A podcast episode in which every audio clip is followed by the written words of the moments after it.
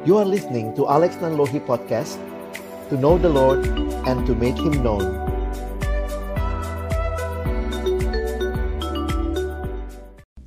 Untuk memulai ibadah ini, mari kita bersama-sama bersatu dalam doa.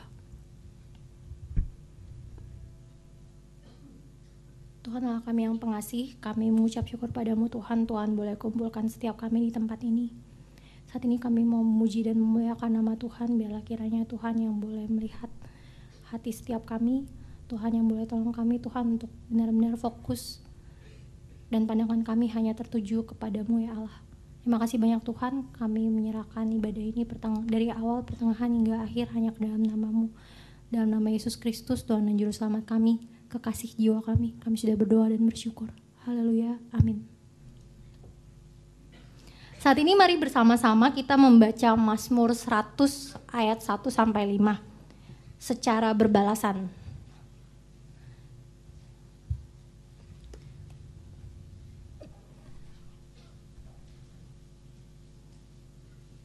Mazmur 100 ayat 1 sampai 5. Um, bagi yang wanita, saya akan membacakan judulnya yang wanita akan membacakan bersama-sama dengan saya ayat yang ganjil, yang pria membacakan ayatnya yang genap. Mazmur 100 Pujilah Allah dalam baitnya. Mazmur untuk korban syukur. Bersorak-soraklah bagi Tuhan hai seluruh bumi.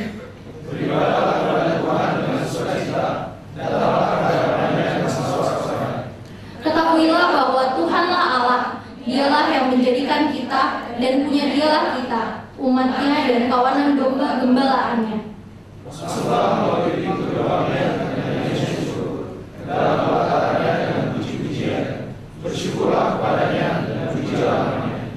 Sebab Tuhan itu baik, kasih setianya untuk selama-lamanya, dan kesetiaannya tetap turun-temurun. Mari saudara-saudaraku, saat ini kita bangkit berdiri dan dengan penuh ucapan syukur dan sukacita, kita mengangkat pujian. Sebab Tuhan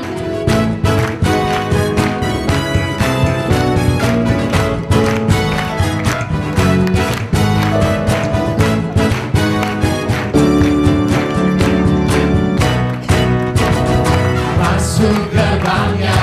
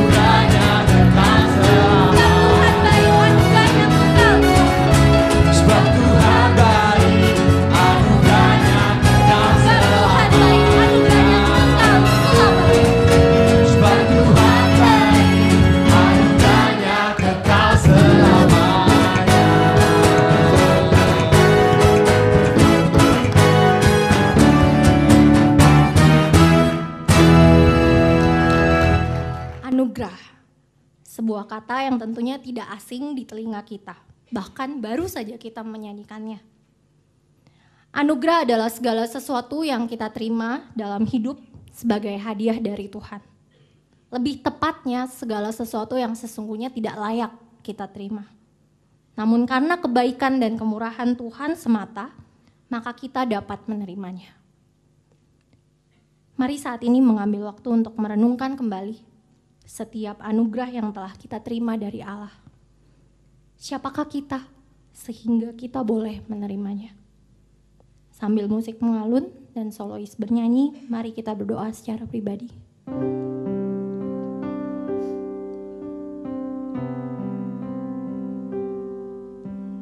Tuhan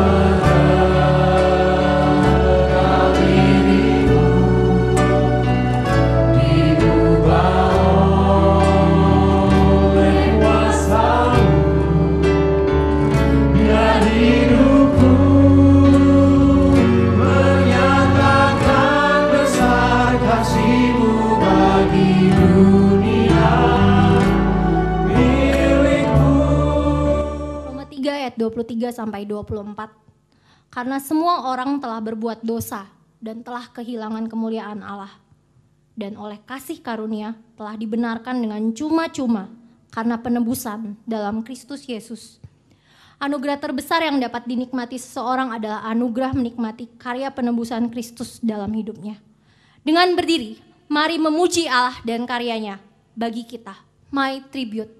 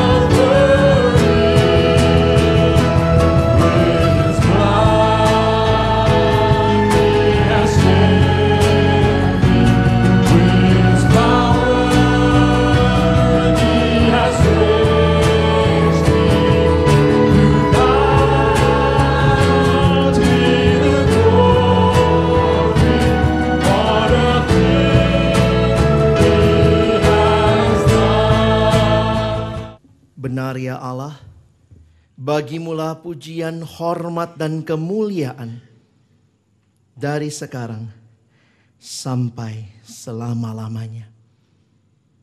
Kami akan kembali membuka firman-Mu, bukalah juga hati kami. Jadikanlah hati kami seperti tanah yang baik, supaya ketika firman-Mu diberitakan, betul-betul berakar, bertumbuh dan berbuah nyata di dalam hidup kami. Berkati hambamu yang menyampaikan, setiap kami yang mendengarkan, Tuhan tolong kami semua. Agar kami bukan hanya jadi pendengar-pendengar firman yang setia, tapi biarlah kami boleh menjadi pelaku-pelaku firman-Mu di dalam hidup kami. Bersabdalah ya Tuhan, kami umat-Mu sedia mendengarnya dalam satu nama yang kudus, nama yang berkuasa, nama Tuhan kami Yesus Kristus. Kami menyerahkan pemberitaan firman-Mu malam ini. Amin. Silakan duduk.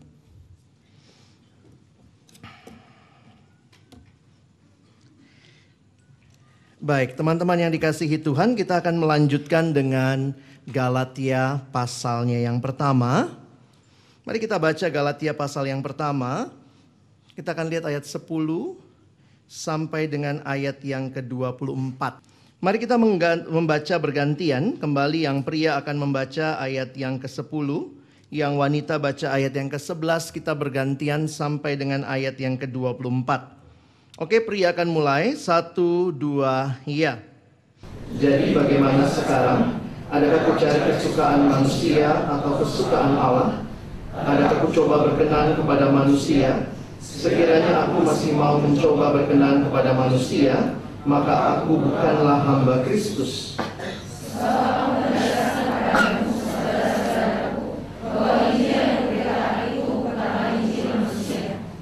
Karena aku bukan menerimanya dari manusia dan bukan manusia yang mengajarkannya kepadaku, tetapi aku menerimanya oleh penyataan Yesus Kristus. Dan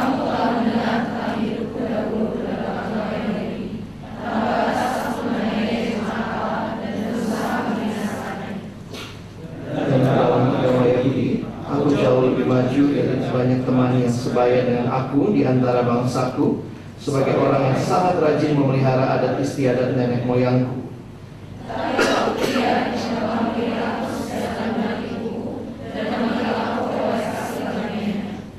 berkenan menyatakan anaknya di dalam aku, supaya aku memberitakan dia di antara bangsa-bangsa bukan Yahudi, maka sesaat pun aku tidak minta pertimbangan kepada manusia.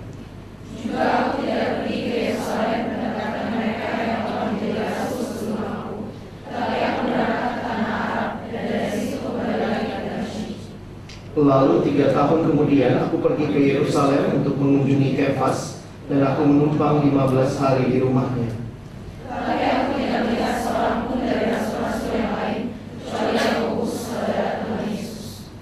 Di hadapan Allah ku tegaskan apa yang kutuliskan kepadamu ini benar, aku tidak berdusta.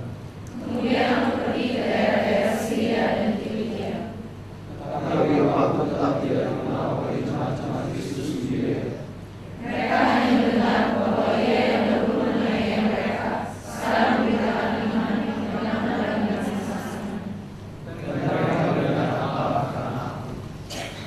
Baik, teman-teman yang dikasihi Tuhan, ini merupakan bagian lanjutan begitu ya. Nanti kalian akan eh, lihat di PowerPoint. Jadi Galatia 1 ayat 10 sampai pasal 2 ayat 21 itu biasa disebut sebagai bagian biographical. Autobiographical dalam surat Galatia. Maksudnya ini adalah Paulus memberikan eh, kesaksian pribadinya sharing pribadinya ya. Jadi nanti kalau kalian perhatikan ini disebut sebagai autobiographical dalam surat Galatia. Dan dalam bagian ini Paulus menyampaikan pengalaman pertobatannya dan awal kehidupannya sebagai seorang Kristen. Nah, ini bukan hal yang asing khususnya untuk Paulus karena kalian perhatikan bahwa Paulus pun melakukan hal ini di dalam beberapa bagian yang lain. Misalnya kalau teman-teman belajar kisah para rasul, di dalam pasal 22 dia cerita pengalaman pertobatannya. Di dalam pasal 26 dia cerita lagi. Jadi kalau kalian lihat kisah rasul saja sampai tiga kali cerita tentang pertobatan Paulus. Tetapi jangan lupa ini diceritakan di dalam konteks. Jadi misalnya di dalam kitab Galatia, ketika menceritakan semua ini, Paulus punya konteks, yaitu apa? Dia ingin menjawab keberatan dari para Judaizer. Jadi Judaizer itu bukan hanya ngajarin hal kepada jemaat, tetapi di dalamnya juga mereka menjelek-jelekan Paulus. Paling tidak, mereka mengatakan bahwa Paulus membuat sendiri Injilnya. Paulus ini Injilnya bikinannya sendiri. Sekali lagi ingat, belum ada kayaknya ya kalau dalam penafsiran saya belum terjadi sidang di Yerusalem. Jangan lupa rasul tuh yang 12 itu yang di Yerusalem. Paulus ditambahkan kemudian. Tetapi yang menarik ketika Paulus datang ke Yerusalem, rasul-rasul di Yerusalem justru mengkonfirmasi betul Injil yang Paulus sampaikan. Jadi teman-teman menarik sekali Paulus menceritakan pengalaman pertobatannya ini dalam kaitan menjawab para Judaizer yang menuduh baik Paulus maupun Injilnya itu palsu. Gitu ya. Yang palsu selalu bilang yang lain yang palsu. Gitu ya. Eh, jadi memang kalau barang asli itu selalu aja ada KW-nya ya. Seneng aja kita bikin beli yang KW-nya. Jadi ini menarik ya, Injil itu selalu ada upaya untuk memalsukannya. Ya. Dan dalam surat Galatia, kalau kalian perhatikan lebih lanjut, dalam surat Galatia ini, sebagaimana dalam kisah Rasul, Paulus tidak menyampaikan kesaksiannya dengan tujuan menyatakan kehebatan dirinya. Sama sekali bukan itu tujuannya. Kalian bisa perhatikan next. Paulus menyampaikan pengalamannya untuk membungkam mereka yang ingin merendahkan berita yang ia sampaikan. Dan Paulus ingin agar itu semua untuk menunjuk kepada Allah yang luar biasa kasih karunia-Nya. Ini gospel way menghadapi kritikan. Nangkap nggak? Kadang-kadang kita kalau dikritik maunya kita apa? Kritik balik bahkan justru menceritakan diri kita untuk menyatakan kita lebih hebat dari dia. Betul? Kenapa Injil itu menginspirasi Paulus cerita pengalaman hidupnya dengan tujuan supaya ini menolong jemaat menyadari ini Injil yang asli, ya. Kita review tadi Galatia 1 ayat 6 sampai 9, kalian akan mengerti dari bagian tadi bahwa sebenarnya cuma ada satu Injil, tidak ada Injil yang lain. Begitu ada Injil yang lain itu bukan Injil. Itu pemahaman yang Paulus sampaikan. Dan bagaimana kita belajar tadi dalam Galatia 1 bahwa Injil cuma satu dan seharusnya melalui lensa Injil inilah seluruh pendapat dan pengalaman manusia diuji. Nah bagi saya ini yang menarik bagaimana Paulus melalui sharing hidupnya yang diubah oleh Injil. Dia pakai justru untuk menyaksikan Allah yang luar biasa. Jadi sebenarnya sederhananya gini teman-teman. Paulus cuma mau bilang gitu. Kalau aku Injil yang palsu maka sebenarnya terpujilah aku. Karena aku yang menyelamatkan diriku. Tapi karena Allah segala-galanya maka. Wah tadi kita nyanyi luar biasa ya. To God be the glory. Benar-benar kita nyanyi saya harap kita mengerti bahwa tidak ada satupun kemuliaan bagian kita. No. Karena itu teman-teman kalau kita tahu berita itu luar biasa tentang keselamatan dari Allah, nyanyikanlah itu, ceritakanlah itu, sampaikanlah itu dengan hidupmu. Melalui seluruh keberadaan hidupmu. Supaya orang memuliakan Allah. Sebenarnya itu sih intinya ya. Udah ya kita tutup doa ya. itu intinya. Kadang udah khotbah panjang kalau lupa apa intinya. Tapi perhatikan bagaimana bagian ini Paulus sekali lagi cerita tentang dirinya. Tapi bukan dengan tujuan kehebatan dirinya. Bagaimana kita bisa mengetes? Ini saya coba ini mat, mat, apa materi tadi sebenarnya ya. Bagaimana ujian bahwa ini sesuai dengan Injil atau tidak? Kalau kita bilang nanti benar nggak bang ini sesuai dengan Injil atau tidak, maka perhatikan setiap kali kita mau menguji sesuatu yang pertama adalah apakah isi dari Injil itu substance of the gospel. Begitu bukan Yesus yang diberitakan tapi kehebatan orangnya, dirinya, hamba Tuhannya itu pasti Injil yang palsu. Injil palsu akan menarik orang kepada pemberitanya.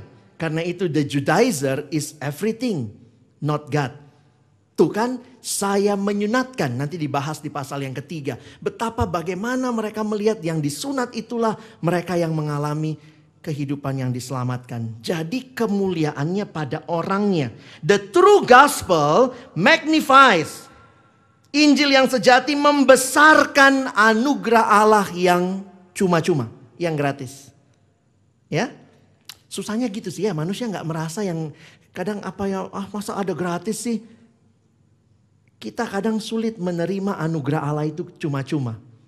Anugerah tuh itu ya kayak tadi Kak Ingrid bilang ya kita dikasih sama Tuhan. Kalau saya kasih, misalnya gini saya kasih ini ini kado buat kamu. Kalau saya kasih kado mesti bayar nggak?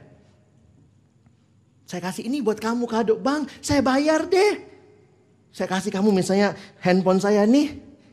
Saya kasih, enggak bang. Saya maunya bayar supaya lebih berasa. Kalau dikasih kesannya kayak saya nggak ada partisipasi di dalamnya. Itu manusia. Selalu merasa sayanya gimana? Sehingga mungkin akan bilang, gimana bang kalau saya bayar handphone abang berapa? 200 rupiah. Kalau kamu terima kado dan bayar masih bisa disebut kado nggak? Hmm? Nggak. Kado itu nggak mesti bayar ya? Benar ya? Begitu dibayar langsung tidak jadi kado. Begitu anugerah Allah kita merasa saya perlu tambahin sesuatu, Yesus mati nggak cukup, itu bukan anugerah lagi. Ada bagian kita. Oke ya? Anugerah itu unsur utamanya wow, benar nggak? Makanya kalau lihat, bukan cuma grace, lagunya bilang amazing grace. Luar biasa. Wow. Wah itu kalau dengar seperti itu tuh waduh. Saya pernah jelaskan Injil sama anak siswa gitu ya. Anak SMP sih. Saya pakai ilustrasi itu ya. Disobek-sobek terus tinggal salib gitu. Tiba-tiba begitu saya bilang, Tuhan tidak membuang kita. Inilah bukti anugerahnya di kayu salib. Ada satu siswa tiba-tiba teriak, mujizat! saya jadi bertanya gitu ya, masihkah kita merasakan amazing dengan grace dari Allah? Makanya waktu kayak tadi ya, lihat salib itu. Setiap hari arahkan pandangan kita ke salib itu. Biarlah itu menginspirasi kita. Jadi ingat lagu itu ya. Think about his love. Think about his goodness. Think about his grace that brought us through. Memandang salib rajaku yang mati bagi diriku. Itu bukan cuma masalah pertobatan. Kurasa hancur congkakku dan harta hilang kuasanya.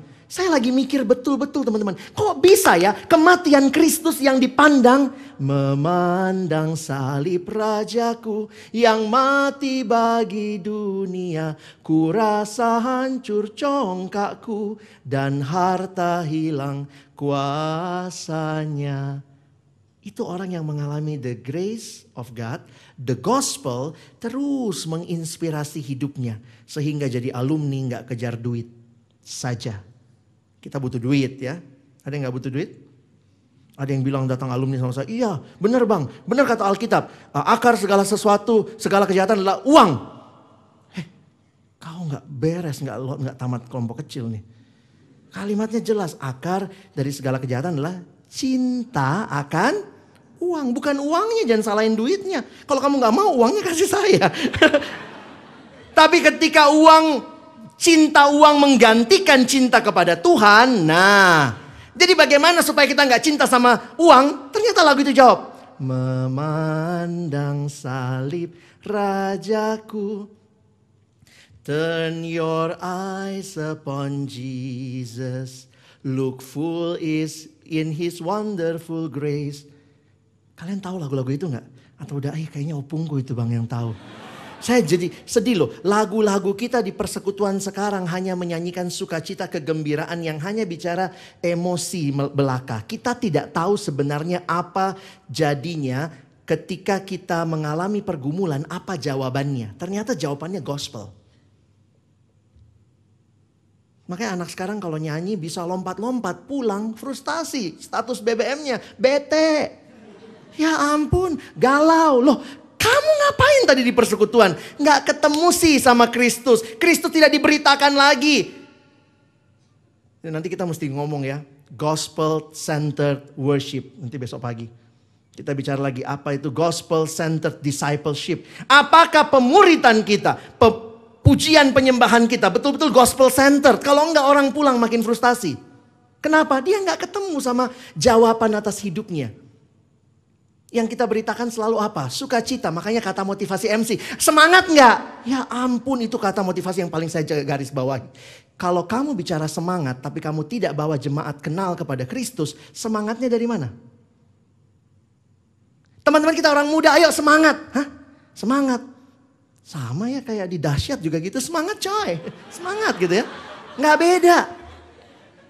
Oh banyak kita nggak ketemu the core of the Christianity. Dan bersyukur kembali Paulus share gitu. Kalau lagu itu ya. Pandanglah pada Yesus, pandanglah wajah mulianya. Kalimat berikutnya powerful.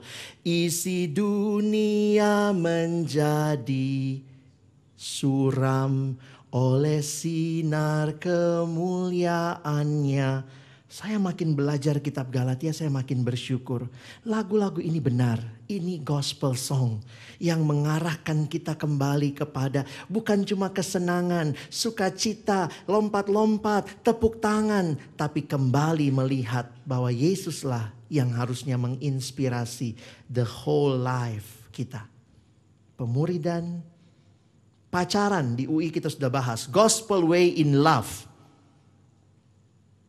Ada yang bingung waktu itu masih nanya, jadi gimana bang, gimana bang? Saya bilang ini jawabannya cuman gospel way. Kalau kamu mengerti harusnya kamu bisa mikir sendiri. Gimana caranya saya pacaran? Pandang salib. Hah? Pacaran sama Yesus? Enggak sih bang.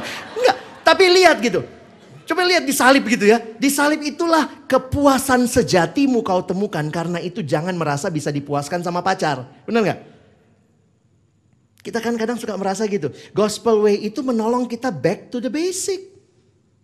Saya selalu ingat kalimat dari seorang senior menjelang saya menikah sama istri kekasih saya di sana ya. Mantan pacar. Dia mantan eh, dia pacar pertama saya. Saya pacar pertama dia. nggak punya masa lalu. nggak bilang eh itu itu mantanku. Oh sorry. Suka banyak tapi dipacarin satu gitu ya. Waktu itu kemudian udah mau, udah ini, udah sebar undangan dua minggu menjelang pernikahan. Abang itu datang dan tanya, halo Alex gimana persiapanmu? E, baik bang, undangan udah nyebar. Terus dia bilang, Alex ingat ya, apa bang? Menikah bukan untuk bahagia. abang, udah udah sebar undangan abang, kenapa perlu dikasih tahu gitu ya? Baru kemudian dia jelaskan, Lex ingat, kebahagiaan, kepuasan hanya dalam Yesus, bukan dari pasangan hidup. Karena itu yang jomblo bisa bahagia nggak? Bisa. Kalau punya Yesus. Coba ya jomblo-jomblo bahagia. Karena apa? Ada orang yang di kepalanya apa? Kalau dia nggak dipimpin sama gospel, Injil tidak menginspirasi hidupnya. Mikirnya apa? Kapan saya kawin? Kapan saya kawin? Kapan saya kawin? Kawinlah yang memuaskan hasratku. Itu. Oh banyak orang habis merit nggak nggak bahagia loh, bener nggak? Karena meritnya sembarangan. Makanya carinya di sini ya. Jangan cari di sana. Carinya di diskotik. Enggak. Buka matamu lebar-lebar. Pasang radar. Ini baru hari pertama coy. Lihat. Di sini kan wah. Ini kan terpilih loh. Koordinator. Wah. Bener gak? Iya ya. Harusnya gospel itu mempengaruhi hidup kita. Jadi memang saya tahu bang, kepuasan sejati bukan di dalam pasangan hidup, tapi di dalam Tuhan. Alangkah indahnya memberi menemukan pasangan hidup yang fokus hidupnya adalah Kristus. Wih, dia fokusnya Kristus, aku fokusnya Kristus. Ketemu kita, wih, wuh.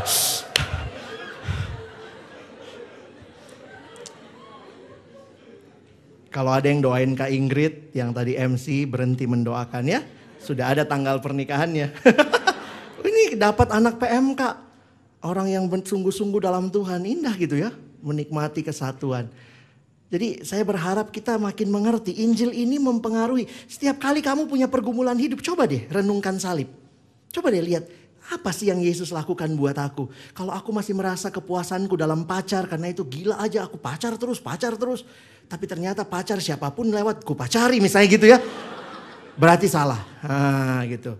Isi Injil substansinya adalah orang makin melihat anugerah Allah. Yang kedua, sumbernya tadi ya saya bilang ya, the source of the gospel adalah the true gospel is the gospel of the apostle of Jesus Christ. Karena itu perhatikan otoritas Injil pertama diberikan melalui para rasul.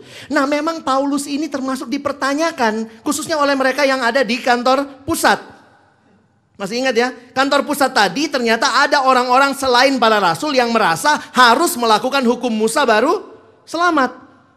Makanya mereka mempertanyakan kerasulannya Paulus. Makanya tadi saya bilang Paulus sampai menjelaskan. Aku rasul bukan karena manusia. Aku nggak diangkat oleh Yerusalem loh. Bukan oleh seorang manusia. Petrus misalnya ngajarin dia ngangkat Paulus. Dia bilang enggak.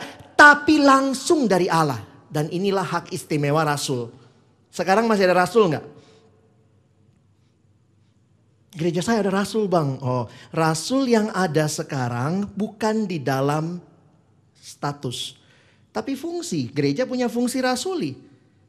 Tapi makanya hati-hati ya kalau ada hamba Tuhan ngaku dia rasul. Aku rasul ke-14. Kan Paulus 13, dia 14. Ih sombong kali gitu ya. Rasul sudah berhenti. Injil sudah selesai, apa maksudnya kitab perjanjian baru sudah diselesaikan. Gereja dibangun di atas dasar perjanjian lama dan perjanjian baru. Sudah selesai. Nah, karena itu kalian akan melihat di dalam ayat-ayat ini Paulus memberikan penjelasan kenapa dia bisa bilang beritanya benar karena dia mau menyatakan dia sungguh-sungguh rasul, ya. Nah, Paulus sharing hidup hidup Paulus dia sharingkan dan yang menarik hidup Paulus adalah hidup yang juga yang dia sharingkan ini adalah hidup yang diubah. Next, bisa ditolong. Gospel shaped life hidup yang dibentuk oleh Injil. Nah mari kita mulai dari ayat 10 ya. Kita coba perhatikan. Ayat 10. Jadi bagaimana sekarang? Adakah aku cari kesukaan manusia atau kesukaan Allah? Kalau dia Injil palsu, rasul palsu, kesukaannya manusia. Kalau dari Allah, kesukaannya Allah. Adakah aku coba berkenan kepada manusia? Sekiranya aku masih mau mencoba berkenan kepada manusia, maka aku bukanlah hamba Kristus. Jadi sebenarnya jawaban atas pertanyaan tadi, adakah aku cari kesukaan manusia atau kesukaan Allah? Yang pasti dia cari kesukaan Allah, bukan kesukaan manusia. Karena itu perhatikan ayat berikutnya, 11. Sebab aku menegaskan kepadamu saudara-saudaraku bahwa Injil yang kuberitakan itu bukanlah Injil manusia. Karena aku bukan menerimanya dari manusia dan bukan manusia yang mengajarkannya kepadaku. Jadi Paulus nggak ikut kursus. Les, diajarin. Enggak. Nah ini yang bagi saya satu hal yang unik sekali. Bagaimana Paulus terima langsung dan Injil yang dia terima langsung itu mengubah seluruh hidupnya. Perhatikan kalimat yang dia bilang. Tetapi aku menerimanya oleh penyataan Yesus Kristus. Saya mau zoom in. Paulus menyampaikan bahwa Injil yang dia beritakan itulah Injil yang dipertanyakan oleh para Judaizer, bahkan sudah ditolak oleh orang-orang Galatia yang ikutin para Judaizer, bukanlah Injil buatan manusia. Sebenarnya kalau kalian perhatikan cara Paulus menjelaskan, saya kutip kalimatnya John Stott. Ini John Stott fotonya ya, yang di atas itu. Paul Gospel was neither an invention, bukan ciptaannya Paulus Not neither an invention as if his own brain has had fabricated it. Bukannya dibikin di pikirannya Paulus. Yang kedua dia pakai istilah nor a tradition, diturunkan oleh orang lain. As if the church has had handed it down to him. Dan yang ketiga, but a revelation, ya. Penyataan. For God has made it known to him. Apa buktinya Allah kasih Injil itu kepada Paulus? Nah, di sini banyak banyak penafsir pada ngomong, Paulus apakah sok pede, merasa pede atau bagaimana? Nah, nanti kalau kita perhatikan ternyata yang memvalidasi Injil itu memang Paulus terima adalah Injil itu sendiri. Coba kalian pikir kalimat itu ya. Yang memberikan keyakinan, konfirmasi bahwa Paulus menerima Injil itu dari Allah adalah apa? Adalah berita Injil itu sendiri. Kenapa? Karena sangat seirama, sangat inline. Oh, mana itu? Sangat inline. Hidupnya Paulus sangat inline dengan Injil yang dia beritakan. Karena kalau hidupnya, kalau gospelnya itu free, berita Yesus yang mati dan bangkit tanpa embel-embel, itu pas dengan hidup Paulus. Tapi kalau gospelnya adalah keselamatan dalam Yesus plus sunat, itu nggak inline sama hidup para Judaizer. Sebenarnya itu inline dengan Judaizer, tapi sebenarnya tidak inline dengan the grace, the uh, berita itu. Jadi yang menarik teman-teman, yang memvalidasi atau yang mengkonfirmasi berita Paulus benar, dia benar-benar seorang apostle, seorang rasul adalah berita itu sendiri. Nanti kita coba lihat ya, gimana caranya Paulus menjelaskan berita itu sehingga itu kemudian menjadi berita yang mengkonfirmasi benar Paulus adalah rasul Allah. Jadi kalau orang nanya gitu ya, ini kalau bahasa, gampangnya, Lus, lu Lu bener rasul. Dari mana lu tahu lu rasul? Apa yang bikin lu bener-bener rasul? Paulus bilang, Injil itu. Di situ saya mengerti satu hal yang menarik sebagai pelayan Tuhan. Kita bukan hanya menyampaikan Injil sebagai objek. Saya menyampaikan Injil, tapi Injil menjadi subjek yang mengubah hidup kita. Bisa saya ulangi? Injil bukan hanya objek yang kita sampaikan. Ih, mau PI, pemberitaan Injil anak baru undang abang ini, undang kakak ini, ini bikin tema tujuan sasaran. Bukan hanya itu, tapi apakah Injil itu juga kita hidupi? Itu jadi pertanyaan penting. Injil bukan hanya objek untuk disampaikan, tapi subjek yang pada saat yang sama membaharui hidup kita, mempengaruhi hidup kita, menginspirasi hidup kita atau bahasa sesi ini a gospel change life. Dari mana orang tahu betul kamu memang orang yang diminta beritakan Injil? Karena Injil itu ternyata sudah kau alami dan kau bagikan. Bisa dipahami ya? Kita jangan jadi calo ya. Kalian tahu calo? Saya kalau ke Bogor itu pelayanan pulang-pulang suka naik bus. Di terminal Baranang Siang di Bogor itu bus ber, berderet ya. Dan itu bus menurut wilayah di Jakarta. Begitu masuk terminal kadang kita dituduh-tuduh. Deres, deres, deres. Enggak bang. Saya kan pulangnya ke Kelapa Gading. Jadi bus saya Pulau Gadung. Baru masuk terminal banyak tuduhan. Deres. Bukan. Yang paling menyakitkan. Rambutan. Bukan. Maksudnya kampung rambutan. Ada lagi yang tadi. Priuk. Enggak. Begitu juga. Gadung. Karena bus saya paling dalam saya ingat dulu. Gadung. Yes itu bus saya. Begitu dia tunjuk saya gadung, dia cepat-cepat ambil tas saya. Biasanya kan pulang retret gitu ya. Ambil tas, ngajak naik. Permisi, permisi, kasih duduk, kasih duduk ini, kasih duduk. Besar orangnya gitu ya. Duduk. Udah. Pas duduk selesai, begitu busnya jalan, yang tadi paling semangat ngajak saya naik bus itu ternyata nggak ikutan. Kenapa? Dia cuma calo. Gadung, gadung, gadung, gadung, gadung. Paling semangat ngajak dia sendiri nggak kegadung. Kamu jangan begitu ya. Gospel, gospel, gospel, Injil, Injil, Injil, Injil. Injil. Kita cuma ah, Injil, Injil, Injil, Injil, Injil, Injil, Injil, Injil, Injil. Kadang kita suka gitu ya. Tadi panitia bawa apa? Tisu, tisu, tisu ya. Injil, Injil, Injil. Apakah Injil itu juga mengubah hidup kita? Dari mana orang tahu engkau dan beritamu benar?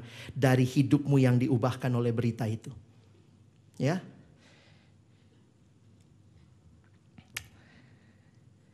Oke. Paulus membuktikan dari kisah hidupnya bahwa ia menerima Injil bukan dari manusia tetapi dari Allah.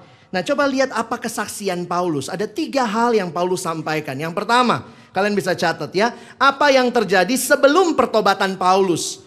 Apa sih yang dia tuliskan sebelum pertobatannya? Apa yang dia sharingkan? Lihat ayat 13 dan 14. Sebab kamu telah mendengar tentang hidupku yang dahulu dalam agama Yahudi. Tanpa batas aku menganiaya jemaat Allah. Jadi Paulus terkenal saudara, tapi terkenal sebagai seorang penganiaya. Tanpa batas aku menganiaya jemaat Allah dan berusaha membinasakannya. Wow, bukannya dibina tapi dibinasakan. Ya. 14. Dan di dalam agama Yahudi aku jauh lebih maju dari banyak teman yang sebaya dengan aku di antara bangsaku sebagai orang yang sangat rajin memelihara adat istiadat nenek moyangku. Sebenarnya apa sih yang Paulus sampaikan? Pertama kalian lihat.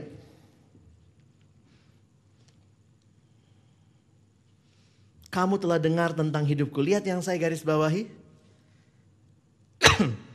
Sebelum pertobatan Paulus kelihatan sekali fokus hidupnya adalah dirinya. Ku, ku, ku, ku. It's all about me. Aku, aku, aku. Tapi ketika Paulus sharingkan bagaimana apa yang dia alami ketika Injil mengubah hidupnya. Pada saat pertobatan Paulus, perhatikan berubah jadi iya, anaknya dalam dia dalam uh, dia ya di bagian bawah. Coba lihat perubahan ini. Kita balik dulu ke perubahan yang pertama tadi. Waktu bicara semua ini, sebenarnya apa sih yang mau dia sampaikan? Dia mau sampaikan ini nih. Sebelum pertobatannya, Paulus lagi bilang begini, nggak mungkin aku dapat Injil itu dari manusia. Karena dulu, khususnya dari orang-orang di Yerusalem, dulu aku melawan mereka. Nggak mungkin dari mereka. Atau mungkin kita bisa katakan begini, dalam kondisi ini Paulus lihat hidupnya kalau sudah begini, hopeless. Ini orang yang tidak mungkin berubah, benar nggak? Sampai membinasakan, nggak mungkin. Sehingga waktu dia cerita, pada saat pertobatannya, pertobatan Paulus perhatikan kata-kata yang digunakan, ada yang saya garis bawahi, ada yang saya bikin warna merah. Kalian lihat itu? Ada empat hal yang luar biasa Paulus alami. Ia memilih aku sejak kandungan ibuku. Ia memanggil aku oleh kasih karunia-Nya. Ia berkenan menyatakan anaknya di dalam aku. Supaya aku memberitakan dia. Dipilih. Kalau kalian lihat bahasa Inggrisnya dipakai istilah set apart. Lalu dipanggil called. Lalu berkenan menyatakannya. Revealed. Dan kemudian preaching. Dipakai istilah preach menyampaikan, memberitakan dia di antara bangsa-bangsa bukan Yahudi. Ini pekerjaan siapa? Allah. Paulus bilang dulu kalau bicara aku, aku itu cuma akhirnya membinasakan orang. Gak mungkin selamat. Kalau bisa selamat itu pekerjaan Allah. Pada saat pertobatan ini semua terjadi ini karena siapa? Allah. Dan sesudah itu setelah pertobatan, setelah pertobatan ini dia kasih penjelasan agak panjang. Makanya ayatnya cukup panjang. Nanti kalian lihat dari 16b sampai 24. Apa sih yang dia lagi sampaikan? Biasanya kalau kita mau otoritas kita pergi ke mana? Kantor pusat. Toh di situ sudah ada orang-orang yang berotoritas. Sehingga bisa aja Paulus ke kantor pusat. Lalu kemudian dia bilang atau dia belajar sesuatu dengan itulah dia terima Injil. Tapi perhatikan, justru cara Paulus menjelaskan setelah pertobatan, setelah pertobatan inti yang Paulus sampaikan, aku tidak pernah pergi lama ke Yerusalem. Kalau aku pergi lama ke Yerusalem, kamu bisa bilang, Injilmu dari manusia. Dari siapa? Rasul-rasul di Yerusalem. Meskipun Injilnya benar. Paulus mau membuktikan bahwa bukan karena aku pergi ke Yerusalem, makanya aku dapat Injil. Tidak. Cukup panjang dia jelasin ini ya, coba lihat. Paulus menyatakan bahwa ia tidak menghabiskan waktu yang lama di Yerusalem. Hal ini untuk menyatakan bahwa Injil yang diterimanya tidak berasal atau tidak dibentuk oleh para rasul di Yerusalem. Meskipun di kemudian hari Paulus memang pergi ke Yerusalem dan rasul-rasul yang lain bilang apa? Persis sama. Ini benar-benar Allah menyatakan langsung kepada Paulus. Wah ini special privilege buat Paulus. Dia dapat yang orang lain nggak dapat. Karena otoritasnya sebagai rasul. Tiga alasan dia kasih. Yang pertama, Paulus bilang, setelah bertobat aku langsung pergi ke tanah Arab. Jadi tidak ke markas besar di Yerusalem. Tidak. Dia ke tanah Arab. Tinggal di sana. Berapa lama? Hmm? Tadi kalian baca. Kaget kali ya, ih Paulus ke tanah Arab. Ketemu sama sang nabi enggak? enggak ya. Sang nabi kan belakangan. Ini Paulus perginya abad pertama. Sang nabi baru abad ke-6 lahir ya. Beberapa penafsir mengatakan Paulus pergi ke Arab selama kurang lebih tiga tahun untuk di sana merefleksikan kembali. Paulus itu ahli apa? Dia orang Farisi, berarti ahli perjanjian lama. Nah, ketika dia terima Injil itu, beberapa ahli penafsir mengatakan nampaknya Paulus harus melihat ulang seluruh perjanjian lama lewat lensa yang baru. Apa lensa itu? Injil. Karena begitu Tuhan menyatakan, Tuhan bilang apa sama Paulus? Sebenarnya mau menyatakan, Paulus ini berita yang harus kau sampaikan. Dan berita itu harus mengubah hidupmu. Bayangkan orang yang dididik dari kecil menyenangkan Allah, ikuti semua peraturan. Menyenangkan Allah, ikuti semua peraturan. Mau selamat, ikuti semua peraturan. Tiba-tiba dapat satu Injil. Peraturan bukannya nggak penting, tapi dimulai dengan percaya kepada Allah. Itu kan kayak jungkir balik gitu ya. Begitu dia dengar ada yang menyelamatkan, cuman cukup lihat dia pandang ke salib itu selamat, ini kan pasti mengguncang ya. Karena itu dia butuh waktu refleksi tiga tahun. Dan kemungkinan selama tiga tahun ini Paulus merenungkan ulang semua perjanjian lama yang dia baca. Karena itu kalau kalian lihat betapa betapa luar biasa Paulus bisa menafsirkan perjanjian lama yang full of Taurat menjadi full of grace. Kalian bisa lihat nanti di surat-suratnya. Dia mau membalikkan. Jadi kalau kalian lihat yang nulis surat tidak butuh sunat. Itu bukan Paulus yang gak belajar PL. Dia belajar PL baik-baik. Dia tahu tanda Allah berjanji kepada Israel dengan sunat. Tapi dia bisa bilang tidak lagi butuh sunat. Itu berarti betul-betul pembaharuan pikiran. Nangkap maksud saya? Itu luar biasa. Tiba-tiba dia bilang gak butuh itu. Cukup lihat Yesus. Iman itu karena percaya, bukan karena melakukan. Justification by faith. Itu yang tulis adalah Paulus yang dulu sangat strict sampai dia rela bunuh orang Kristen demi ajarannya disampaikan. Yang kedua, Paulus pergi ke Yerusalem. Benar nggak pergi? Pergi, tapi setelah tiga, tiga tahun. Dan Paulus tekankan, berapa lama dia di sana? Cuma dua minggu. Kalian baca Alkitabnya kan ada kan tadi ya? Ada kan? Coba lihat ayat berapa tuh? Nah ayat 18. Lalu tiga tahun kemudian aku pergi ke Yerusalem. Tuh orang bilang tuh kan ke Yerusalem juga. Eh bilangnya enggak. Tapi dia bilang untuk mengunjungi Kefas. Dan aku menumpang 15 hari di rumahnya. Tapi perhatikan kalimat bawahnya. Dia bilang tetapi aku tidak melihat seorang pun dari rasul-rasul yang lain. Kecuali Yakobus saudara Tuhan Yesus. Berarti tidak terjadi konsultasi Injil.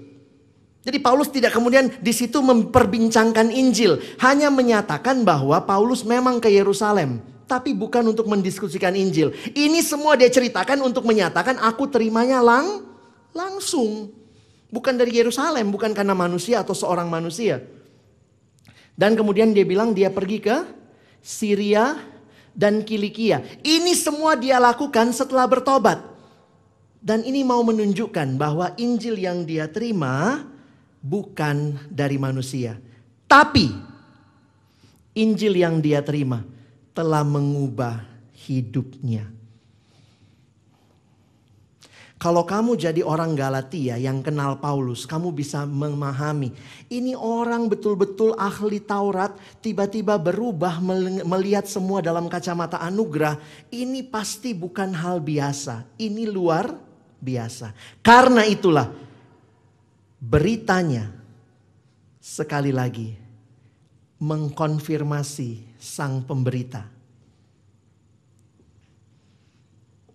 Coba kalian perhatikan kalimat ini.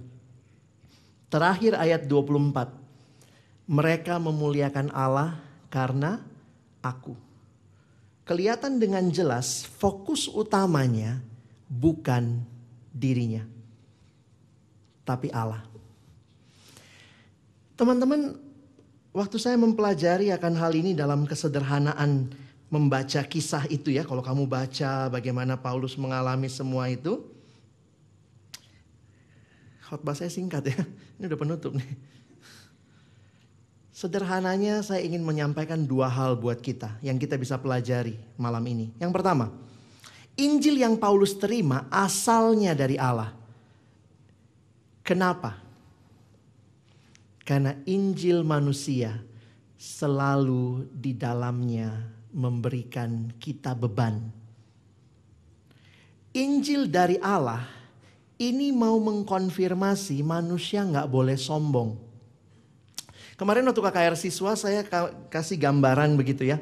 Tidak bisa yang horizontal itu memuaskan kita. Nggak mungkin. Yang bisa memuaskan kita itu cuma Allah. Yang vertikal.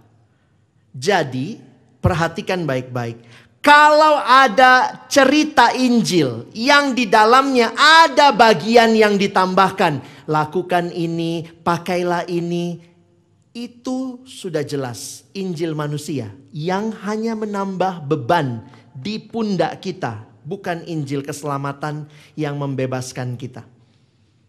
Saya kaget ketemu satu anak dia cerita, setelah dia bertobat, dia dikasih satu benda sama orang yang menolong dia bertobat.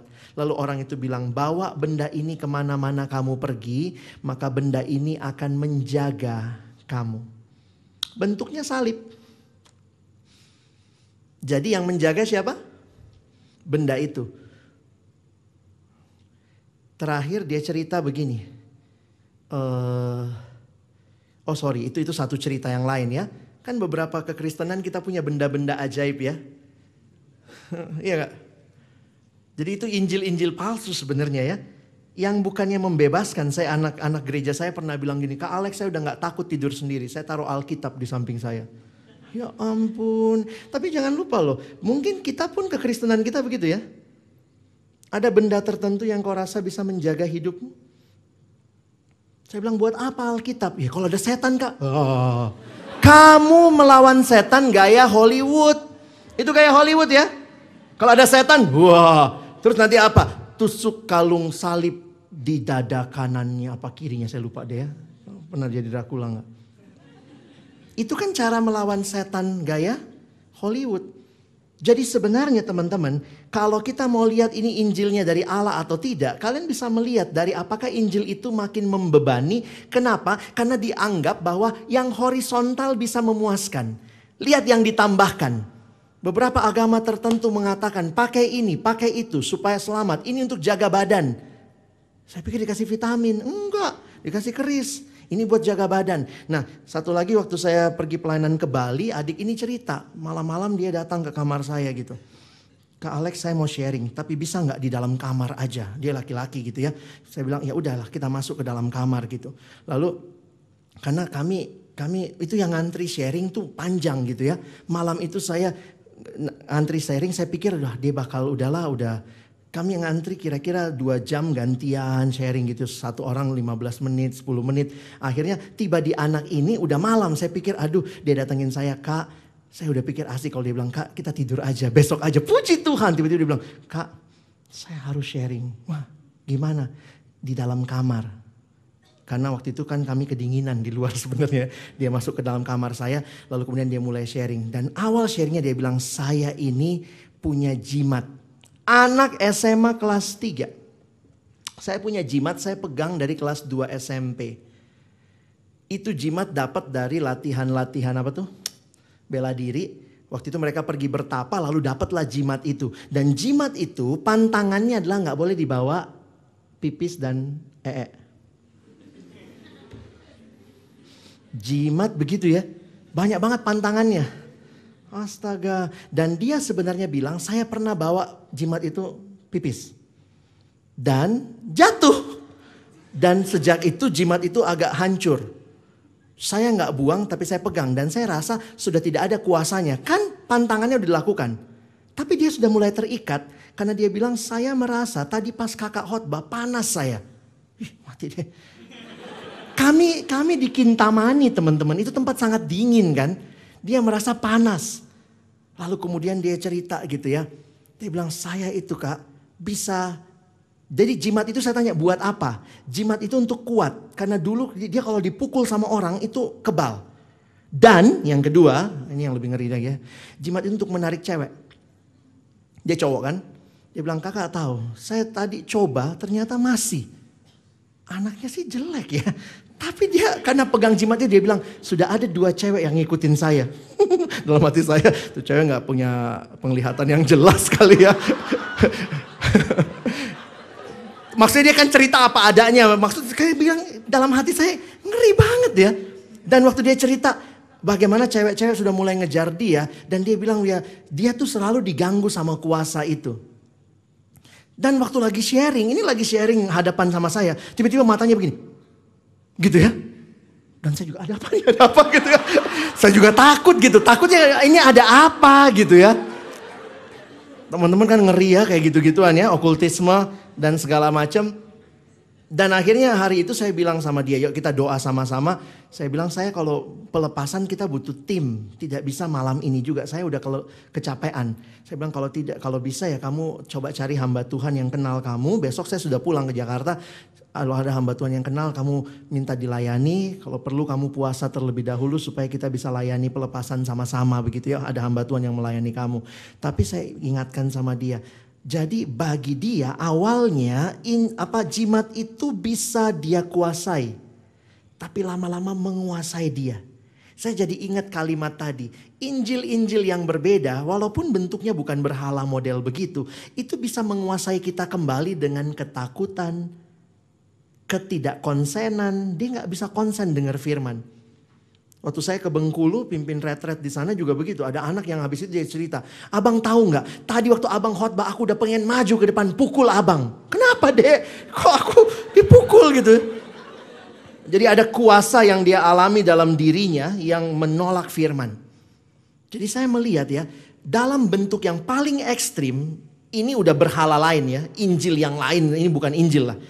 Tapi juga ada yang modelnya kekristenan yang dicampur-campur dengan hal seperti itu. Dan ini menjadi sesuatu yang seolah-olah kemudian nanti bisa menguasai kita. Apalagi kalau ditambahi dengan bumbu-bumbu Kristen. Banyak pengobatan alternatif masuk ke dalam bagian itu juga.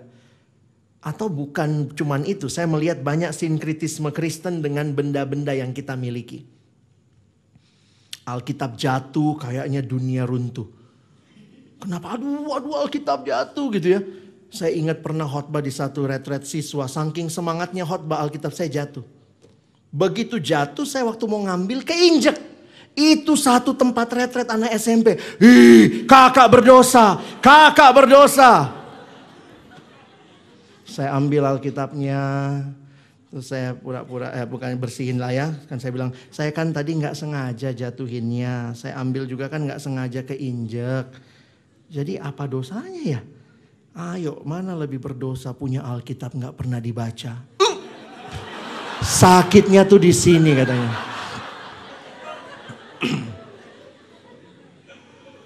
Ini gaya kita, kita selalu pingin Injil itu ada kontribusi kita. Saya menjaga, kalau saya jaga Alkitab saya baik-baik, maka Tuhan akan menjaga saya. Satu adik kelompok kecil saya pernah ngomong begini, aduh sorry kak terlambat kelompok kecil. Dia datang kelompok kecil udah telat dua, satu, satu jam. Kenapa kamu telat? Iya nih tadi waktu naik bus hampir gua jatuh dari bus. Waktu jatuh itu untungnya tuh di belakang tuh ada mobil yang udah mau nyamber. Iya gara-gara gua gak saat teduh kali ya tadi pagi ya. Nangkep gak? Ngeri banget ya kalau gak saat teduh begitu hasilnya. Jadi akhirnya saya melihat banyak orang bersaat teduh karena apa? Takut celaka. Banyak orang melakukan aktivitas Kristen untuk membayar sesuatu kepada Allah yang Allah bilang gratis. Ini anugerah. Dan bagi Paulus yang sangat bobrok masa lalunya. Paulus bilang nggak ada kontribusiku untuk Injil itu. Aku dinyatakan dan Injil itu menyatakan aku harusnya binasa. Jadi sebenarnya teman-teman kalau kita menyadari Injil itu. Kita makin melihat siapa diri kita sebenarnya. Orang yang mengalami Injil gak akan pernah sombong. If you live in gospel way, you never be pride, proud of yourself. Saya segala-galanya. Dan orang yang mengikuti Injil itu juga tidak akan jatuh sedalam-dalamnya. Oh, kalau saya jatuh hancurlah semua karena dia tahu bahwa ada Tuhan yang menopang dia. Ini cara pandang yang luar biasa.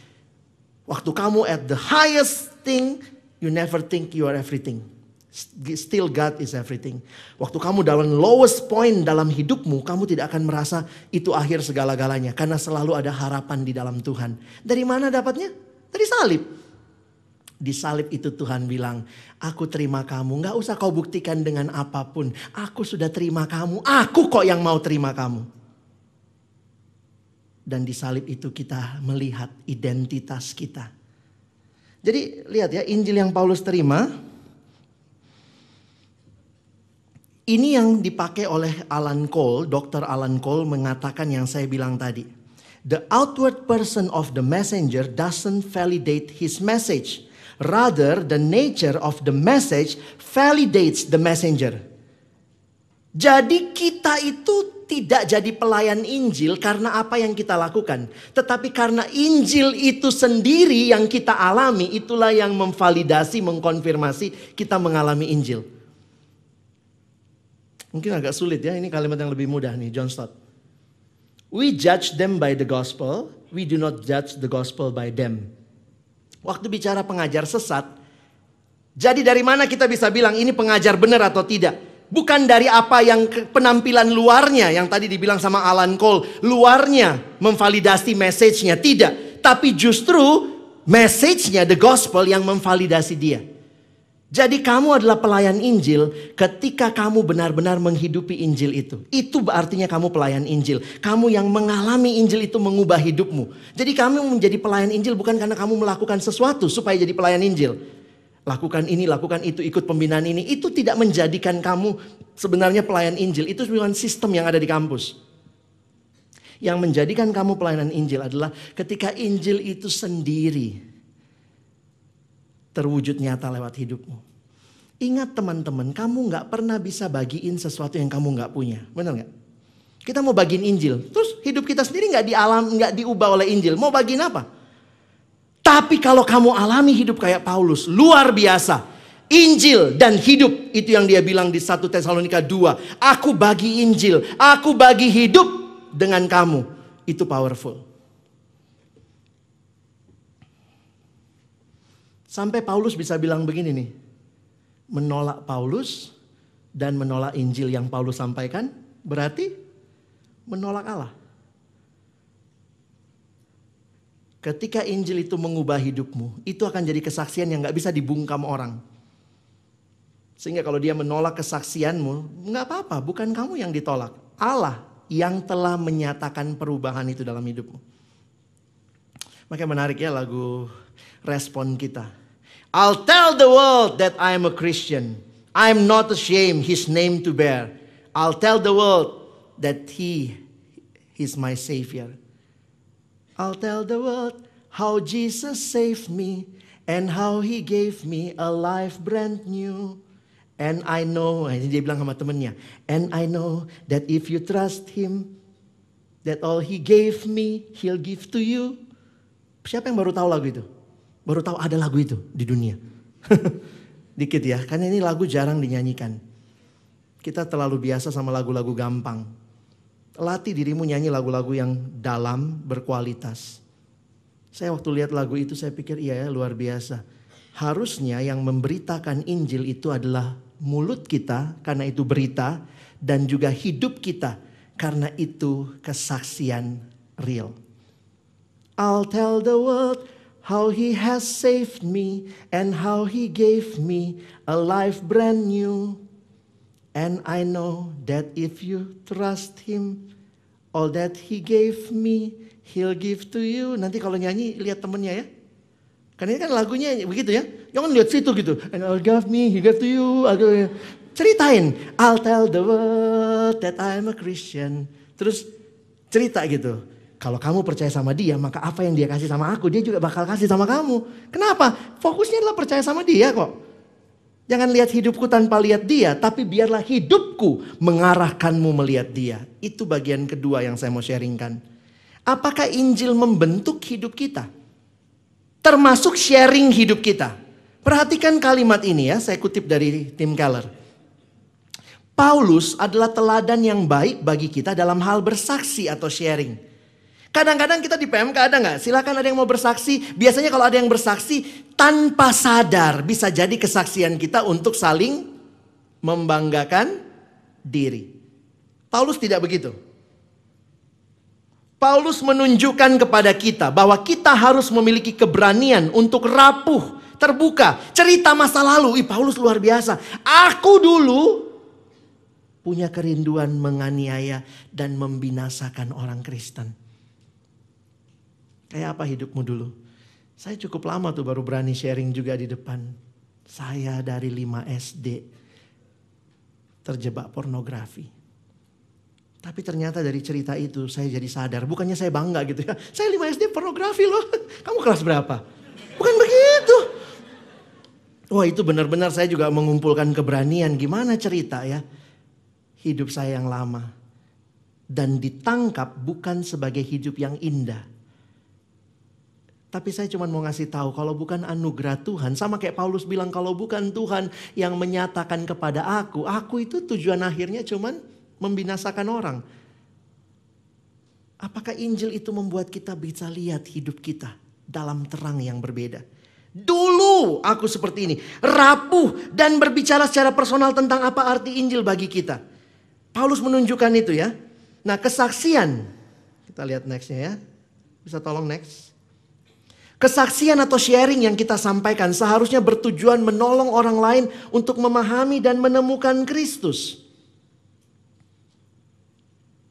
Bukan sekedar orang jadi tahu tentang kita. Kiranya kesaksian kita membawa orang lain kepada anugerah Injil yang luar biasa, yang telah mengubah hidup kita, dan yang kita tahu dapat mengubah mereka juga. Kenapa di kampus banyak lemah dalam penginjilan? Mungkinkah yang menyampaikan Injil, yang mempersiapkan KMPI, yang benar-benar menyiapkan jadi pengurus tidak mengalami Injil itu? Kita cuma calo. Bagaimana bikin KMPI? Pelajari LPJ tahun lalu. Siapa yang dikontak untuk minta dana? Lihat list tahun lalu. Di mana tempatnya? Lihat list tempat retret yang sempat dikontak dan disurvei tahun lalu. Cuma itu. Ketika Injil tidak kita hidupi, maka jangan mimpi pelayanan kampusmu akan mengalami Injil yang juga mengubah hidup. Karena siapa dirimu, kamu pelayan Injil atau bukan, tidak ditentukan dari statusmu pengurus. Tapi apakah berita itu menyatakan kamu pelayan Injil. Kenapa? Hidupmu udah berubah. Tapi kalau kita bilang saya pelayan Injil, kamu cuma jadikan Injil sebagai objek. Nih, saya melayani Injil, saya pengurus loh, saya diangkat loh. Kemarin ikut peneguhan, ada pembasuhan kaki untuk nggak pakai rambut dibasuh, semua udah dilakukan. Tapi apakah itu? Harusnya hidup kita diinspirasi oleh Injil yang mengubahkan. Karena di situlah akan kelihatan betulkah kamu pelayan Injil atau tidak. Paulus tidak butuh manusia bilang dia pelayan. Dia tidak butuh otoritas Yerusalem. Tapi karena Injil dia alami mengubah hidupnya.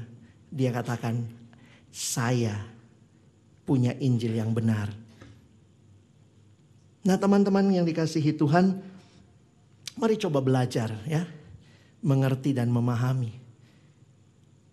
Seberapa jauh kita membiarkan Injil itu menjadi berita yang mengubah hidup kita? dan kemudian mengubah hidup orang lain. A gospel change life. Saya mau kita nyanyi lagu itu ya. Saya pimpin dulu sekali nanti Ingrid mau nyanyi lagi boleh lah ya. Coba yang belum tahu lagu itu tampilkan dulu tuh. I'll tell the world that I'm a Christian. I'll tell the world that I'm a Christian. Ya, coba lihat kata-katanya. I'll tell the world that I'm a Christian. Next. I'm not ashamed his name to bear. Saya nggak malu memberitakan namanya. I'll tell the world that I'm a Christian. Terus, I'll take him with me anywhere.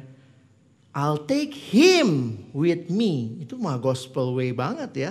Fokus kepada Injil sehingga saya bisa bawa itu dalam hidup saya. Next.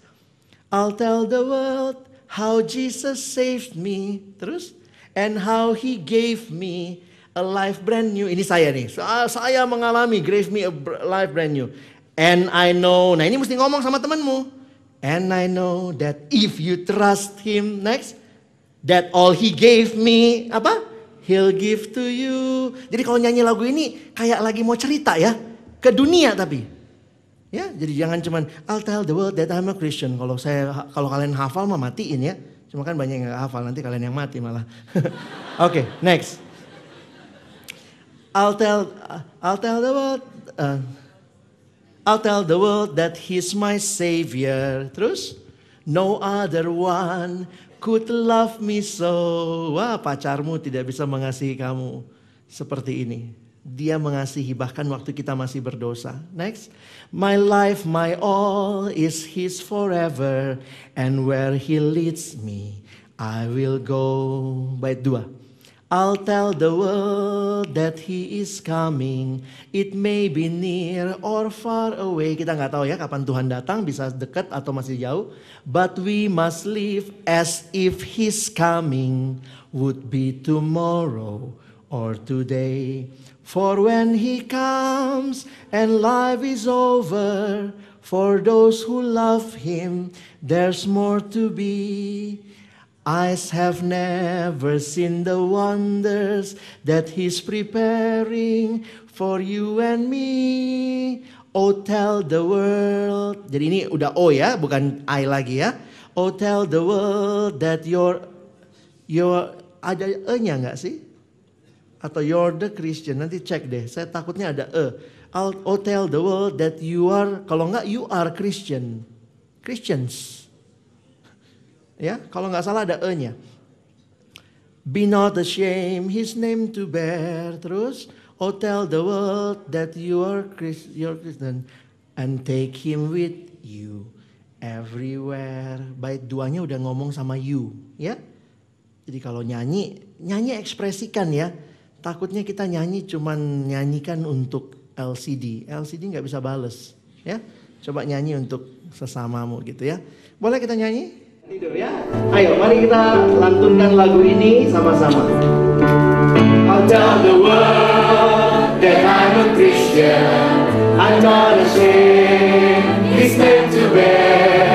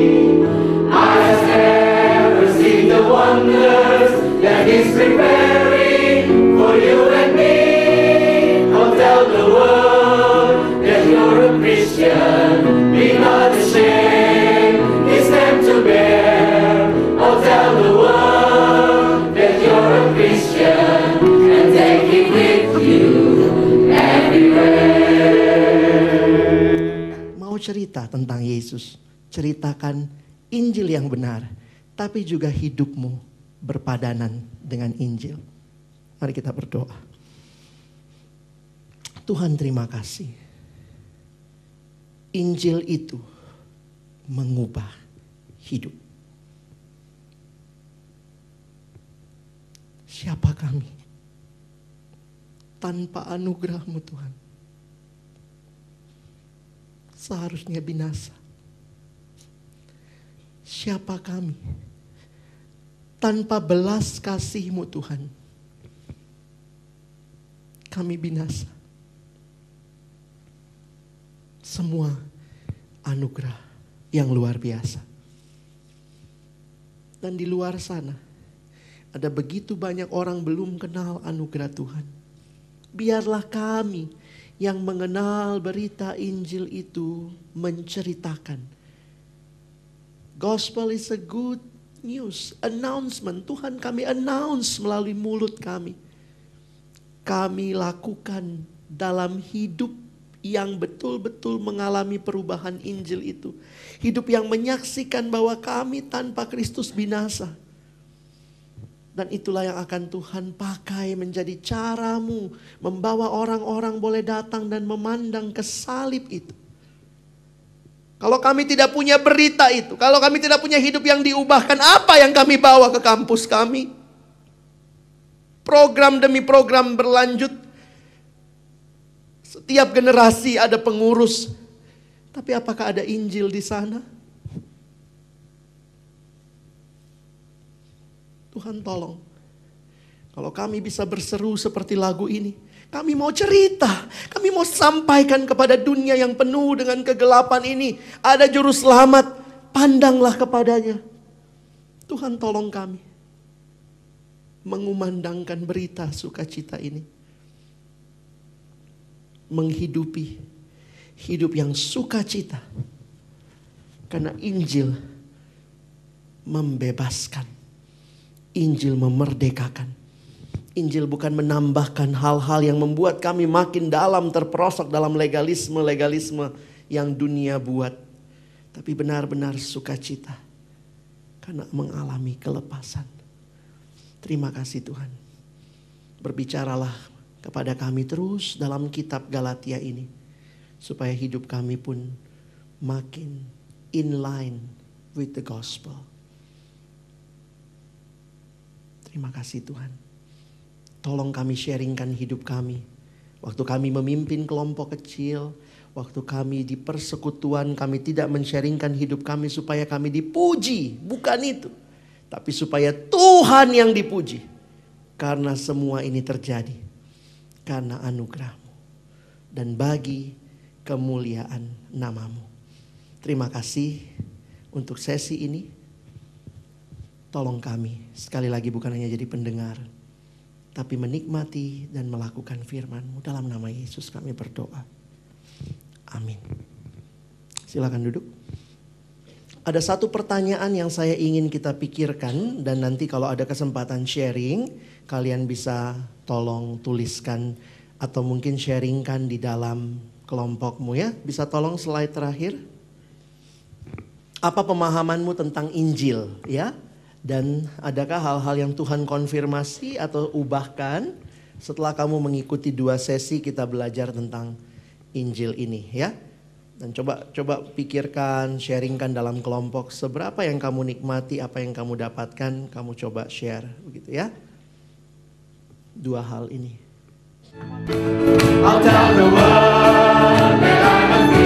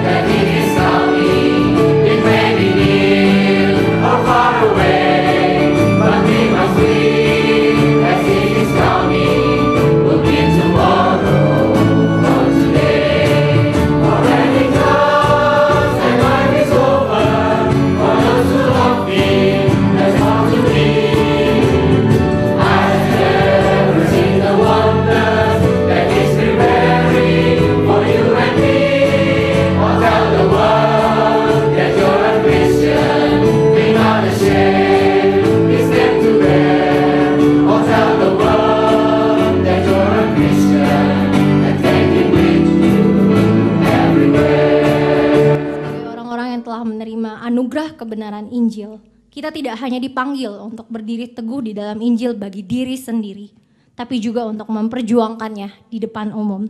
Menutup ibadah ini, mari bersama-sama kita mengangkat pujian, hanya hendaklah hidupmu sesuai dengan Injil.